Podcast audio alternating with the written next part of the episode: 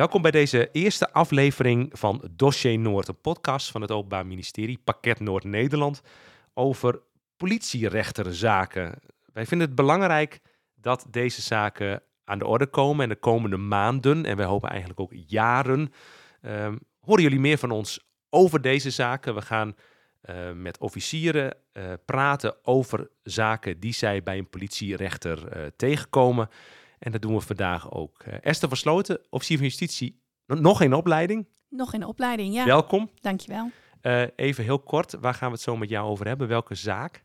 We gaan het hebben over een zaak die ik recent op de politierechterzitting heb gehad. Uh, waarbij een vrouw door um, een man mishandeld is, terwijl zij op dat moment in haar eigen bed lag met haar zevenjarige dochter naast zich. Dat klinkt heftig. Daar zit ook wat juridische uh, aspecten aan die interessant zijn. Uh, en we gaan ook nog over wat andere zaken praten, maar dit is een beetje de kern. En onze baas is er, hè? de hoofdofficier van justitie, Diederik Gijven. Welkom. Ja, ja, leuk om mee te doen. Politierechterzittingen, laten we dat eerst nog even helder hebben. Voor de mensen die dat niet weten, dat is iets anders hè, dan uh, heel vaak van die grote zittingen die in de krant komen. Wat, wat is een beetje het verschil tussen uh, uh, nou ja, een politierechterzitting en zeggen andere zaken die wij doen? De rechters die eigenlijk het dichtst bij de praktijk staan, die het meest te maken krijgen met misdrijven die wij ook als burger zien en ervaren, dat zijn de kantonrechter en de politierechter. En de kantonrechter gaat over overtredingen. En de politierechter die gaat over lichte misdrijven. Want bij de politierechter kunnen wij maximaal een jaar gevangenisstraf eisen. Hij, hij mag maar een jaar gevangenisstraf opleggen. Dus dat zijn feiten als mishandeling, vernieling, diefstal. Dus die misdrijven ja, waar je veel over leest in de krant. En waar je als je echt pech hebt of de pineut bent, waar je dan ook slachtoffer van kunt worden. Dus het staat gewoon heel dicht bij mensen. Um, wij maken deze podcast omdat we het ook gewoon. Uh, wij vinden het belangrijk om ook te laten zien hè, uh, dat, dat dit een heel groot aspect van ons werk is. Um, kun je meer zaken noemen waarvan je zegt van ja, het is toch wel uh, interessant en het is boeiend waarom ja, mensen eigenlijk gewoon moeten luisteren naar deze podcast? Podcasts zijn belangrijk. Ze zijn ook heel erg leuk om naar te luisteren, vind ik. Ja. Maar het is ook heel leuk om ze te maken. Maar wij kunnen als openbaar ministerie ook nooit wachten totdat mensen vragen aan ons gaan stellen over het werk wat wij doen. Wij zijn als openbaar ministerie verplicht om uit te leggen aan mensen wat voor werk we doen, hoe dat uitpakt. Dus om te communiceren, om uitleg te geven bij de zaken die wij doen. Dat moet volgens het Europese Verdrag voor de Rechten van de Mens. Dat moet volgens onze Nederlandse grondwet. En je ziet ook echt dat er steeds meer belang komt bij het actief uitleggen. Of je nou het openbaar ministerie bent of de gemeente, doet er allemaal niet toe. Maar je hebt die burger gewoon uit te leggen wat je aan het doen bent. En daarom is deze podcast hartstikke belangrijk. Uh, de podcasts worden ondersteund met video's. Die zijn terug te vinden op de kanalen van het Openbaar Ministerie. Om de twee weken verschijnt een video met een officier van justitie die uitlegt van uh, nou ja, een politierechterzaak die is meegemaakt door een collega van ons. Uh, en dan zegt hij de eis en ook meteen uh, het vonnis. Want Esther, dat weten veel mensen ook niet, er wordt vaak direct vonnis gewezen in politierechterzaken? Over het algemeen wordt direct vonnis gewezen. Heel af en toe heeft uh, de rechtbank meer tijd nodig om na te denken over het vonnis. En dan volgt het vonnis later en ook schriftelijk. Maar in de meeste gevallen uh, wijst de politierechter direct vonnis. En dat is misschien wel leuk om er ook bij te vermelden, want zittingen zijn openbaar. En juist daarom is het ook leuk om een zitting te bezoeken, want je, je, je krijgt het hele proces mee, van eis tot aan vonnis. We gaan naar de inhoud. Esther, uh, je vertelde al iets over een, uh, een zaak die jou is bijgebleven, die relevant is. Uh, kun je de casus schetsen? Ja. Het is misschien goed om eerst te vertellen eh, wanneer ik voor het eerst in aanraking kwam met deze zaak, want dat was namelijk al op ZSM. En ZSM is? Heel goede vraag. ZSM is een, sta- ja, staat voor heel veel verschillende dingen. Eh, onder andere zo snel mogelijk, maar ook zo zorgvuldig mogelijk. Ehm, en dat is een samenwerkingsverband tussen het Openbaar Ministerie, de politie, Slachtofferhulp Nederland, de reclassering en de Raad voor de Kinderbescherming. En wij zitten met z'n allen op het politiebureau in Groningen, op de Radenmarkt. En wij zitten daar zeven dagen per week. En wij behandelen op dat moment de verdachten die vastzitten in de drie noordelijke provincies. Althans, hun zaken. Ja. Dat is een groot scherm. Ik ben daar eens een keer, mogen, Ja. ik een keer geweest. Ja. En dan zie je dingen oppoppen van strafbare feiten die die avond of middag zijn gepleegd. Hè? Precies, dat klopt. Ehm, de verdachten die daar op het bord staan, die zitten in de fase eh, van de aanhouding tot en met de inverzekeringstelling. Eh, dus het zijn zaken die maximaal eh, drie dagen oud zijn, om het zo maar te zeggen. Ehm, en ik had ZSM-dienst op het moment dat deze zaak zich aandiende. En dat was direct eigenlijk al een hele heftige melding. Mevrouw eh, lag in bed en is in bed mishandeld door een man. Mevrouw was ook ernstig toegetakeld. Eh, op dat moment dat zij de melding deed en de politie ter plaatse kwam, was haar gezicht zo gezwollen. eh, en is zij ook buiten bewustzijn geraakt. En in het ziekenhuis kon, omwille van die zwelling, kon ook niet direct geconstateerd worden of er sprake was een van een breuk of iets dergelijks. Dus een heftige melding. Ehm, ja, en dan gaat de politie onderzoek doen. Eh, verdachte wordt aangehouden, wordt gehoord. Verdachte legt een ontkennende verklaring af. Maar er was voldoende bewijs om toch eh, tot vervolging over te gaan en de verdachte een dagvaarding mee te geven. En, want het, dit klinkt eh, heftig, hè? Ja. En je hebt het net over dat we eh, in ZSM dit soort zaken ook snel willen doen. En zorgvuldig. Maar als je dit toch hoort, dan zit je wel even als officier van justitie ook op je stoel. Zo van, jemig jongens, wat, wat is hier gebeurd? Ja. Dat, dat komt er wel even binnen. Absoluut. En dat treft me ook elke keer weer. ehm, op het moment dat we het hebben over huiselijk geweld, eh, bijvoorbeeld, waar dit eh, eh, ook zeker aanraakt, het zal je maar overkomen dat je in je eigen woning, in je eigen bed, de plek die ten alle tijden veilig voor jou moet zijn, dat je daar overvallen wordt en slachtoffer wordt van zo'n ernstig feit. Dat heeft een enorme impact en dat bleek ook wel in deze zaak. En een ander detail wat mij daar erg in trof, en dat, eh, dat raakt me vaker in zaken, is dat ehm, niet alleen mevrouw ernstig mishandeld eh, werd, maar dat haar zevenjarige dochter daar getuige van is geweest. Die lag er gewoon nog, naast. Het kindje lag er op het moment van de mishandeling naast. En het kindje ehm, eh, zat later ook helemaal onder het bloed wat afkomstig was van haar moeder. Zo moet je je hoofd koel houden Ja. en je hart warm, hè? Ja. Dus dat is nog eh, een hele kunst. Want wat is nou het eerste wat je dan denkt als je zo'n als, als je zo'n zaak op je bord krijgt? Het eerste wat ik denk is toch eh, is, de, is de professionele mindset die aangaat. Ehm, want wat ik op dat moment kan bieden is eh, aan een wat ik op dat moment kan bieden aan een slachtoffer is de zaak zo goed mogelijk eh, bouwen. Dus dat er uiteindelijk een stevig dossier ligt op basis waarvan ook een veroordeling kan volgen. Dus dat is in eerste instantie wat er gewoon gaat gebeuren. En op ZSM gaan ook heel veel processen dan draaien. Want de reclassering gaat kijken, kennen we deze verdachte al? Slachtofferhulp heeft contact met het slachtoffer of met mensen uit haar omgeving en geeft informatie vanuit die hoek. Ehm, dus dat maakt dat je heel veel informatie te verwer- verwerken krijgt in korte tijd. Dus in eerste instantie ben ik vooral gewoon daarmee bezig. En ik denk het besef van wat is hier nou gebeurd en wat doet dat met mij als mens, dat komt dan later. Het Want, is een groot voordeel dat jullie met z'n allen dan bij elkaar zitten. Ja. Ja. En, maar eh, hoeveel contact heb jij dan met, met als officier van justitie eh, eh, met, een, met een slachtoffer? Op dat moment nog niet. Op dat moment heb ik contact met de politie hoofdzakelijk. En slachtofferhulp doet het contact met het slachtoffer en informeert mij wel op basis van wat zij met het slachtoffer bespreken. En dan moet je denken aan, zijn er bijvoorbeeld wensen op het gebied van de bescherming? Is een contactverbod nodig? Is een locatieverbod nodig? Dus over dat soort zaken word ik geïnformeerd en daar neem ik vervolgens een beslissing over. Dus de Maar- officier van justitie heeft ook een rol bij de veiligheid van het slachtoffer. Eigenlijk al vanaf het moment dat er een strafbaar feit wordt Ja. gepleegd. In elke zaak wordt van ons gevraagd dat wij, zoals we dat noemen, een individuele beoordeling doen. En dat betekent dat wij kijken naar wat zijn de beschermingsbehoeftes van dit slachtoffer. En moeten wij maatregelen treffen om ervoor te zorgen dat die veiligheid ook zo goed mogelijk gewaarborgd is. Het is wel heel erg grappig. In landen om ons heen is dat niet zo. Hè? In Duitsland en in Engeland dan gaat de politie met dingen aan de slag. En op een gegeven moment gaan die dan met een dossier hè, naar, de, naar de officier van justitie. En die zeggen, nou ja, Doe er maar wat doe er mee. maar wat mee. Maar in Nederland is de, de rol van een officier van justitie zoveel actiever.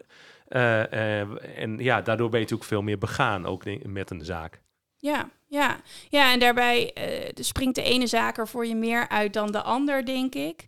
Ehm, Ja, maar laten we even teruggaan naar deze Ja. zaak. Ehm, eh, hè, eh, het, het dossier wordt opgebouwd. Ja.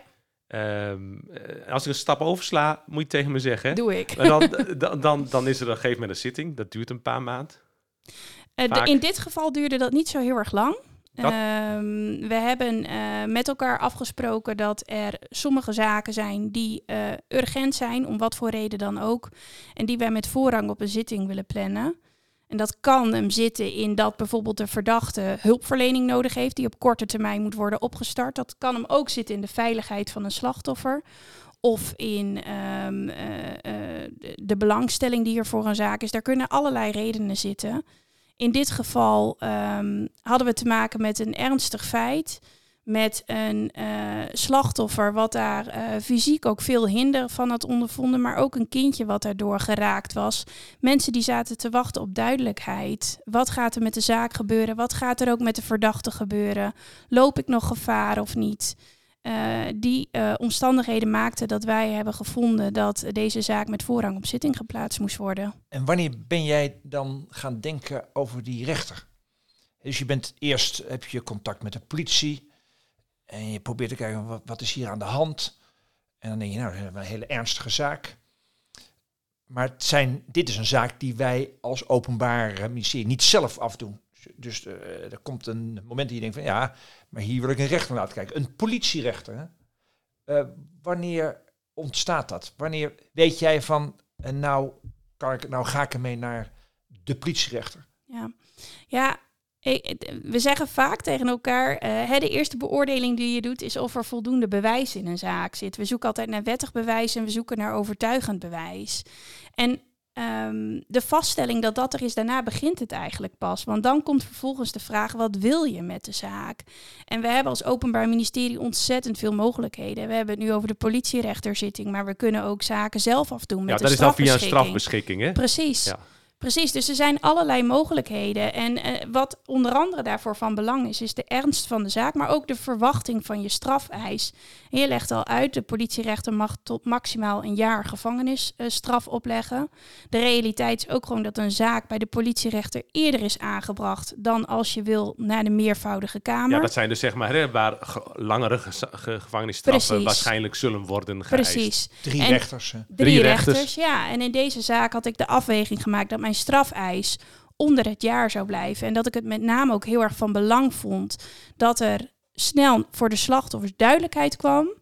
Maar dat er ook snel naar deze verdachte een signaal af werd gegeven dat zijn gedrag absoluut niet geaccepteerd wordt. Sterker nog, dat zijn gedrag bestraft wordt. Zat die man er nog vast? Die man zat, eh, is na het verhoor eh heen gezonden, dus zat in aanloop naar de zitting niet vast. Oké. Want dat verschilt, hè? Je kunt verschilt. hebben dat iemand wordt aangehouden en dat hij vast blijft. Dat hij dan vanuit detentie, zoals wij dat noemen, dan zit hij vast. Gewoon zo naar de rechter gaat en daar dan wordt berecht en een eh, straf krijgt en dan soms ook gewoon vast blijft. Hè? Ja. Ja. En je hebt zaken waarin mensen eh, gehoord worden en dan is het op een gegeven moment wel duidelijk en dan weet iedereen van deze zaak moet wel naar de rechter. Maar dan kan iemand eh, wel weer terug naar huis. Precies. Ja. De mensen die in eh, detentie, dus in voorarrest, hun zaak afwachten, zijn toch vaak de mensen die dit al eerder hebben gedaan, dus die een strafblad hebben. Want dus in deze zaak leek me dat wel spannend. Want Maar het, het, het feit is heel heftig. ja, Absoluut. Maar mijn eerste gedachte is van, nou, die zal dan wel even vastzitten. Ja. en wat, Ja. en wat gaat hij doen wanneer hij weer op vrije voet is? Ja, ja. Is dat dan een gevaar voor die vrouw? Nou, dat is in ieder geval een gevaar wat eh, ingeschat gaat worden. Er is een speciale afdeling, dat is een samenwerkingsverband tussen het Openbaar Ministerie en de politie, die zich bezighouden met het inschatten van uh, risico's en van veiligheidsrisico's. En dat is wel een afdeling die we in zo'n zaak inschakelen om een inschatting te maken en om eventueel maatregelen te nemen ten behoeve van de veiligheid. Komt heel veel bekijken. Ja. Ja, en dan heb je natuurlijk ook nog hè, de, de zittingen, hè, eh, als iemand vast blijft zitten of niet. Um, uh, dan er komt een rechtercommissaris kijken, die gaat er, en dan gaat daar nog een gegeven moment gaat dan een keer kan een raadkamer er nog naar kijken, zeg maar. Uh, dus het is allemaal extreem zorgvuldig natuurlijk. Je, je zit niet zomaar vast, hè? laten we dat even helder hebben. Eens, ja. Um, en dat is ook maar goed ook. Hè? Ja, ja, ja. ja, eigenlijk wel. Hè? Ja, want, want, want uh, het mag natuurlijk geen voorschot op een straf zijn. Dus iemand is natuurlijk pas schuldig wanneer de rechter zegt dat hij, dat, dat hij het gedaan heeft. En, en, en, en, en dan kan hij een straf krijgen. En als je mensen natuurlijk vastzet nog voordat de rechter er iets van heeft kunnen vinden, dat is altijd een beetje. Ja, ik, ja er moeten voldoende ernstige bezwaren zijn. Ernstige bezwaren, ja. En ik vind ook gewoon dat je als officier je altijd moet realiseren wat jouw beslissing voor de ander inhoudt. En daar hebben we op ZSM natuurlijk vaak mee te maken dat mensen daar op dat moment vastzitten, soms wel drie dagen op het politiebureau. Dat betekent dus ook dat mensen op het politiebureau in zo'n kale cel, zoals we allemaal misschien wel kennen van uh, de televisieseries, maar dat iemand daar gewoon daadwerkelijk drie dagen zit, dat is nogal wat.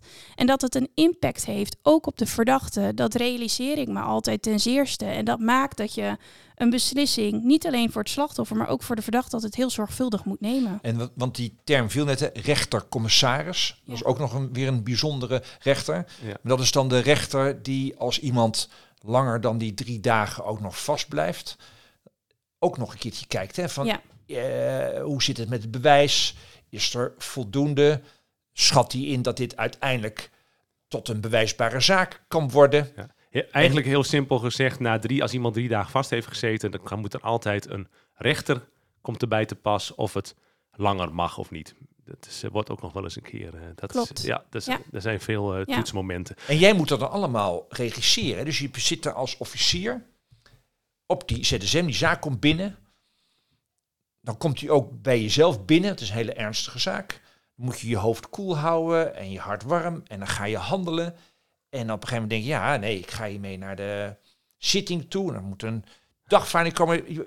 Je, wordt op een gegeven moment heel erg druk. Of valt dat mee? Uh, nee, het kan zeker heel erg druk worden. Want naast deze zaak heb je op zo'n ZSM-dienst natuurlijk ook nog heel veel andere zaken uh, lopen op dat moment. Dus zo'n dienst kan ontzettend hectisch zijn. Um, gelukkig zit ik er daarom ook niet alleen, maar zitten er ook andere OM-collega's en doe je het met elkaar. Je luistert naar Dossier Noord, een podcast van het Openbaar Ministerie Parket Noord-Nederland. Deze keer met hoofdofficier Diederik Grijven en officier in opleiding Esther van Sloten. Ik wil even terug naar de zaak. Ja. Jij gaat naar zitting. Want daar zijn we inmiddels wel een beetje, denk ik. Ja, met die verstande dat ik voorafgaand aan de zitting nog een slachtoffergesprek heb gevoerd. Ja. En um, dat doen we vaak uh, uh, op verzoek van het slachtoffer. En uh, daarin bespreek ik met het slachtoffer het dossier, hoe het ervoor staat. ik leg ook gewoon uit hoe een zitting gaat, want heel vaak hebben mensen een zittingszaal gelukkig nog nooit eerder van binnen nee. gezien. Maar ik luister vooral ook. ik merk heel vaak dat mensen wie iets ernstigs is overkomen, um, dat het voor hen lastig is. Dat je dan vervolgens datgene wat jou is overkomen uit handen moet geven. Want dat is eigenlijk wat er gebeurt. Hè? Een slachtoffer in dit geval raakt de regie totaal kwijt. En moet dat uit handen geven aan politie en justitie. En moet er maar op vertrouwen dat wij daar zorgvuldig en goed mee omgaan. Um, dus ik luister vooral ook heel erg naar hoe het nu met iemand gaat. En um, hoe, uh, nou in dit geval zij uh, tegen de zaak en tegen de zitting en tegen de verdachte aankijkt.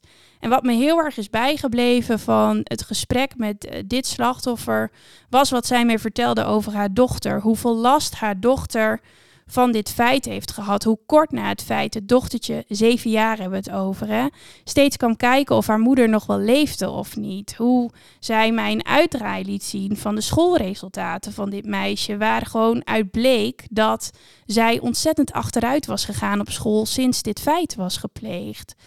Ehm, zij vertelde over de psychische hulp die dit meisje inmiddels ook kreeg voor het trauma wat bij haar was vastgesteld. En dat maakte echt ontzettend veel indruk op mij, omdat je een moeder ziet uh, met haar eigen trauma's, die iets ernstigs is overkomen, maar die daar eigenlijk niet eens aan toe kan komen vanwege de zorg voor haar dochter. Wordt zo'n klein meisje ook door de politie gehoord in dit soort zaken? Bij voorkeur doe ik dat niet, omdat um, een verhoor voor een kind ook heel erg belastend is. Dus dat doen we eigenlijk alleen maar op een moment dat het echt noodzakelijk is om het bewijs bijvoorbeeld rond te krijgen. Of omdat een kind zelf aangeeft, en dan hebben we het vaak over de iets oudere kinderen hoor. Maar dat een kind zelf aangeeft het verhaal heel graag te willen doen. Maar bij voorkeur horen we de kinderen niet. Want hoe heb jij in deze zaak dat belang van, dat, van het kind uh, mee laten spelen in hoe je met de zaak naar zitting ging, in je verhaal wat je hield op de zitting? Als je dat kind niet hebt uh, gehoord, hoe doe je dat dan? Ik heb het kind zelf inderdaad niet gehoord. Ik heb natuurlijk wel van haar moeder gehoord hoe het na het feit met haar is vergaan. En um, in het dossier zaten meerdere getuigenverklaringen, onder andere van een buurvrouw die uh, moeder en kind had opgevangen kort na het incident. En um, zij verklaarde over de uh, paniek bij dit jonge meisje. Maar ook hoe zij dus constant bij haar moeder checkte of het wel goed ging met haar moeder. Zij verklaarde over het bloed dat op het meisje zat.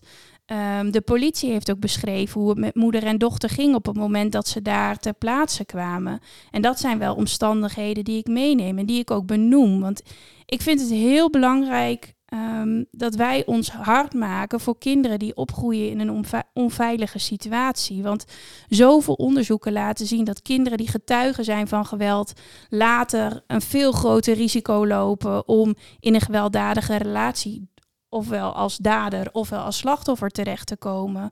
Maar daarnaast, um, ja, we hadden het in het begin al over je thuis, de plek die ten alle tijde veilig moet zijn. Het heeft zo'n grote invloed op kinderen op het moment dat die plek thuis niet veilig is. En daar wil ik als officier uh, ter zitting echt voor gaan staan. En dat vond ik in deze zaak ook straffenzwarend meewegen. Hoe lang duurt het dan? Want we hadden het net, dit is een politierechter zitting staan misschien een ja. Uh, zes tot tien. Ja, ik zie terugkoppelingen. Ja, zes tot tien zaken per dag. Ja. En dan zit je met dit hele indringende verhaal. Misschien heb je maar een kwartier of zo om zo'n hele zaak te doen. Of wordt, wordt voor zo'n zaak dan weer wat meer tijd uitgetrokken? Ja. Ja, bij, dit is een zaak waarbij je wel voorziet dat dit meer tijd gaat vragen.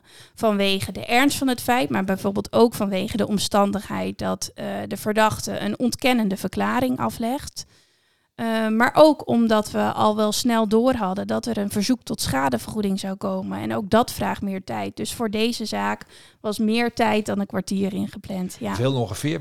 Een uur stond een uur, er voor ja, deze zaak. Ja, ja. Um, de term schadevergoeding valt. En uh, dat is in dit geval, ja, we moeten toch het, het, het heftige feit even uh, loskoppelen van uh, zeg maar het juridische aspect, wat ook bijzonder interessant is in deze zaak. Dus dat, is, dat wringt ook vaak, hè? Als je kijkt, maar we gaan het toch doen, want het is ook belangrijk. Ook, voor de, ook en vooral voor de slachtoffers in dit geval. Want wat maakt deze zaak zo bijzonder qua schadevergoeding? Ja, uh, wat deze zaak bijzonder maakt, is dat ik niet alleen een verzoek tot schadevergoeding uh, uh, kreeg ingediend namens moeder, maar ook namens de zevenjarige dochter. Moeder is hier natuurlijk het directe slachtoffer. Zij heeft de klappen gekregen, zij heeft daar pijn en letsel van ondervonden. En als je schadevergoeding indient, kan dat bestaan uit twee uh, componenten. Je kunt materiële schade vragen. Dat betekent gewoon er is iets kapot gegaan of ik heb kosten moeten maken doordat het feit gepleegd is en ik wil dat de dader dat betaalt. Maar je kan ook immateriële schade vorderen. En dat betekent, ik heb pijn gehad, uh, ik ben bang geweest, ik heb psychische schade hierdoor opgelopen. En ik vind dat daar vergoeding tegenover moet staan. En um, in de rechtspraak uh, kennen wij ook de term shockschade. En shockschade betekent dat op het moment dat jij getuige bent van een strafbaar feit, dat jij ook aanspraak kunt maken op een vergoeding van de schade, de psychische schade die jij hebt opgelopen door de confrontatie met dat strafbare feit. En in deze zaak werd namens dit zevenjarige dochtertje, wat er dus naslag op het moment dat haar moeder zo mishandeld werd, werd shockschade gevraagd ter hoogte van 2500 euro. Is dat uniek? Dat, er, dat, er een, dat, dat een kind van zeven, dat, ja, namens had het kind, maar dat doet? Dat, ik heb dat zelf nog niet eerder gezien. Ehm, en we, we zien dat niet vaak, nee. En wie doet dat dan? Dit, uh, deze moeder, uiteindelijk doet de gezagsdrager, dus de moeder in dit geval, ja. uh, dient namens haar dochter dat verzoek in. En zij werd bijgestaan daarin door een uh, hele goede slachtofferadvocaat. En, en hoe loopt dit dan af? Nou, ik vond dit een heel terecht verzoek. Um, en, dat is gewoon wat ik daar als mens van vind. Maar er zijn natuurlijk ook allerlei juridische voorwaarden waar zo'n verzoek aan moet voldoen om dat uh, toegewezen uh, te laten worden. Dus ik heb ter zitting, en dat was eigenlijk een beetje een toeval, dat vlak voor deze zitting de Hoge Raad een, een arrest wees, waarin zij nogmaals de, laat ik het maar zo zeggen, de redenen om te kunnen, uh, zo'n vordering te kunnen toewijzen, nog eens hebben uitgelegd en hebben aangescherpt. En dat arrest verscheen, nou, ik meen echt twee dagen voor mijn zitting of zo. Dus dat was zo recent dat het nog niet eens in de vordering uh, benadeelde partij stond. Maar uh, uh, dat arrest was bij mij wel onder ogen gekomen. En dat was een mooie verduidelijking vanuit de, vanuit de Hoge Raad, waarvan ik dacht, daar kan ik wel wat mee. En aan de hand van de criteria die de Hoge Raad heeft gesteld, heb ik uh, ter zitting gerequireerd tot toewijzing van dat verzoek. En heb ik gezegd dat die 2500 euro uh, schadevergoeding toegewezen zou moeten worden. En de rechter is daar uiteindelijk in meegegaan. Um, deed hij meteen in dit geval, wees hij ook vonnis? Ja, de rechter wees uh, direct vonnis. En mij bleek ook dat de rechter ook heel goed in deze uh, materie zat, dus dat was prettig. Ja. Um, hij heeft uitgebreid vonnis gewezen, uh, waarin hij ook nogmaals de criteria bij langs is gelopen. Juist ook omdat het um, uh, de vordering shockschade in ieder geval bij politierechterzittingen eigenlijk nooit voorkomt. Nee. Um, en bij, binnen deze context ook niet zo vaak voorkomt. Dus hij is de criteria nogmaals uitgebreid bij langsgekomen en kwam tot dezelfde conclusie als ik. Uh, en de gevangenisstraf die is opgelegd? Conform eis is hij veroordeeld tot 10 maanden gevangenisstraf. En dan hoort uh, het slachtoffer dat? Ja. Jij hoort dat. Tien, ja. Met 10 maanden alles toegewezen. Uh, heb je dan oogcontact? Hoe werkt dat? Gaat iemand naar jou toe? Uh, is daar contact? is er opluchting? Wat, wat beschrijf dat eens, wat ja. er zo gebeurt? Um, op het moment van het vonnis probeer ik altijd wel even te kijken hoe het met iemand gaat. Maar ik begrijp ook, er komt heel veel informatie dan op iemand af. en iemand probeert het allemaal te verwerken. Dat is ook veel. Ik ben na de zitting, we hebben in de rechtbank zijn er slachtofferkamers waar je als slachtoffer kan plaatsnemen omdat je bijvoorbeeld de confrontatie met de verdachte in de gang niet wil.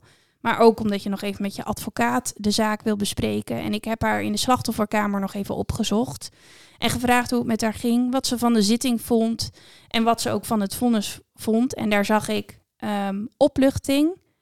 En dat zat hem volgens mij niet zozeer in de hoogte van de straf, het zat hem ook niet in de hoogte van de schadevergoeding, maar het zat hem in de erkenning. Dat je erkenning krijgt voor het leed wat jou is aangedaan. En dat hardop uitgesproken wordt dat inderdaad een, uh, een grens is overschreden en dat daar gewoon consequenties op staan. In een openbare zitting. In een openbare zitting. En um, zo'n zit zitting is natuurlijk best een formele set setting. Hè? Wij staan daar in onze toga. Uh, er zijn allerlei formaliteiten waar je je aan moet houden. Dus ik kan ook invoelen dat het wat met je doet op een moment dat in die setting wordt uitgesproken. Um, dat jou dit is overkomen en dat dat heel erg is. En dat dat zelfs zo erg is dat daar uh, ook voor jouw dochter een financiële uh, compensatie tegenover moet staan. Uh, even voor de mensen die dat, dan is het tien maanden gevangenis. Dat is hartstikke lang. Ja. Maar het betekent niet zeg maar dat die verdachte dan meteen de gevangenis ingaat. Nee, Nee, uh, in dit geval was de verdachte ook niet bij de zitting aanwezig. Um, wat, uh, dat had het overigens niet anders gemaakt. Maar wat het betekent is dat de verdachte in eerste instantie een brief krijgt met een datum en een uh, gevangenis ergens in Nederland. En dat hij zich daar kan melden. Op het moment dat hij zich niet meldt, dan gaat hij in de signalering. En dat betekent dat de politie op enig moment deze persoon, en dan hebben we het dus ook niet meer over een verdachte, maar hebben we het over een veroordeelde. Deze veroordeelde. Tenzij hoger beroep gaat. Tenzij hoger beroep. Maar deze veroordeelde ophaalt en uh, naar de gevangenis brengt. Weet je dan nog, ook een tijdje nadat je zo'n zaak gedaan hebt, weet je dan nog hoe het met zo'n meisje gaat of met zo'n vrouw gaat? Nee, na de zaak laat ik dat dan ook los. Um, en uh, is het daarmee voor mij dan ook, ja, dat klinkt hard, maar is het dan op een gegeven moment ook klaar? En dan zijn er weer nieuwe zaken die mijn aandacht vragen. Maar dat betekent niet dat ik niet meer aan die zaak of aan dit slachtoffer denk. Want dat is ook de reden dat zo'n zaak zo vandaag bijvoorbeeld hier weer terugkomt. Ik haal daar altijd dingen uit die ik meeneem, die me bijblijven en die maken dat ik in volgende zaken uh, weer scherp en gemotiveerd ben. Ja, en het feit dat deze zaak in die eerste podcast van Dossier Nooit behandeld wordt, is ook omdat jij een, een, uh, een heldere, duidelijke, uh, betrokken terugkoppeling gaf aan ons. Hè? De officieren van justitie en wij van communicatie, wij krijgen dat terug van officieren van justitie. Die schrijven wat ze meegemaakt hebben op politierechterzittingen. En zo kunnen wij dus eigenlijk hierover vertellen. Ja. We zijn al meer dan een half uur aan het praten. Mag ik jou danken voor jouw toelichting? Graag gedaan. Esther van Sloten, officier van justitie, nog in opleiding. en uh, Diederik Grijver nog, hoofd, nee, hoofdofficier van justitie. Nee, hoofdofficier van justitie, uh, het pakket Noord-Nederland. Dankjewel. En dit was hem dan, de eerste Dossier Noord. Een podcast over politierechtenzaken in Noord-Nederland vanuit het perspectief van het OM van de officier van justitie. Meer podcast luisteren, dat kan. Je kunt bijvoorbeeld naar de landelijke podcast luisteren van het Openbaar Ministerie. Check dat in je favoriete podcast-app. En binnenkort aflevering 2 van Dossier Noord. Dag!